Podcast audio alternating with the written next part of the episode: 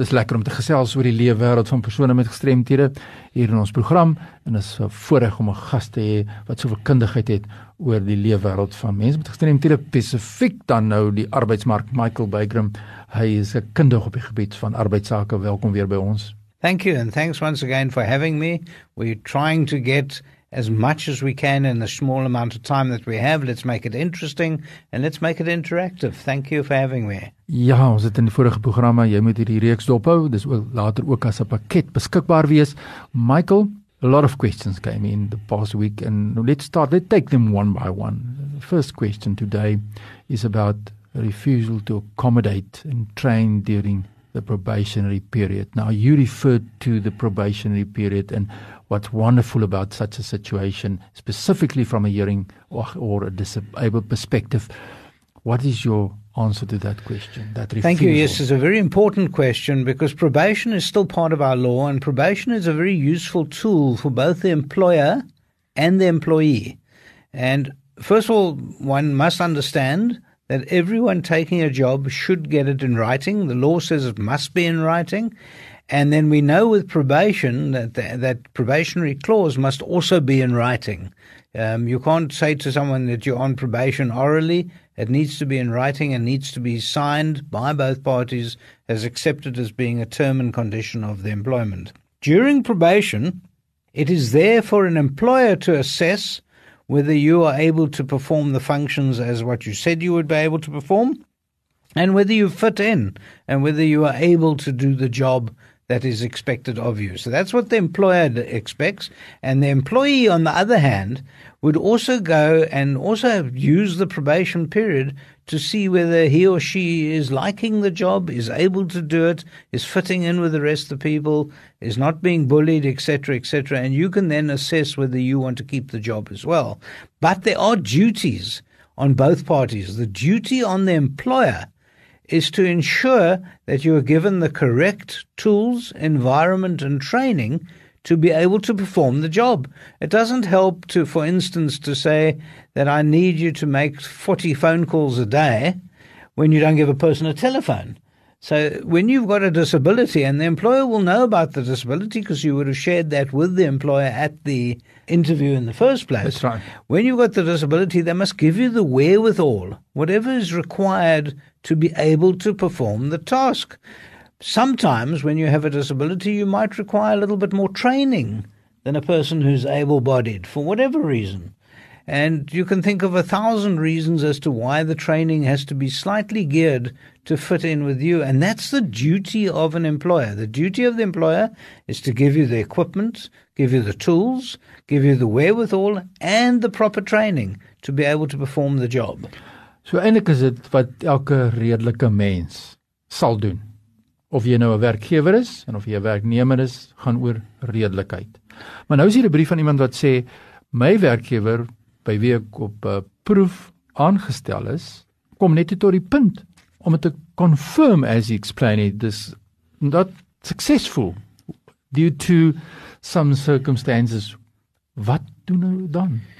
Well, obviously, if the employer is saying that we're not confirming your permanent employment, you can then challenge that. You can then take that. First of all, you can do an internal appeal if the disciplinary processes internally allows that for you to do, or you can refer that then to the Commission for Conciliation, Mediation, Arbitration, or if the business falls under a bargaining council, you refer it to the bargaining council. It's very simple to fill in these forms. We did discuss it in right in the beginning in the first program uh, as to how you would refer a matter to the uh, CCMA or to the Labour Court. Um, and you could even claim that there was discrimination if they're actually not actually taking into account your needs as a disabled person. They must take into account your needs, and if it can be supplied, then they must supply it. And you can refer your case first to the CCMA. It's an LRA Form 7.11. And if it's not successful there, after conciliation, you would then go to the Labour Court and they would help you out on that. Just repeat that, uh, the, the content of that form. It's called an LRA Form 7.11, like the, the shop 711. That's 7.11. Right. You can get it on the website from the Department of Labour, or you can get it from the CCMA directly. uh, but you can download it. Um, younger people than me will understand how to do that. I've tried, I just couldn't get it right. Ja, Michael Baker wat so lekker met ons gesels. Ons program staan einde se kant toe.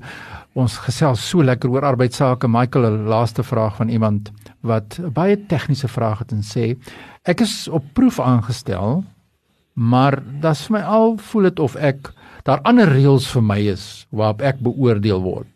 Kind of a harsh yeah. judgment compared with other people that's permanently appointed. Is there a different set of rules in terms of reasonability there and the judgment aspect? No, that's absolutely unfair. You can't treat people differently. Whether they're disabled or not, you just can't do it.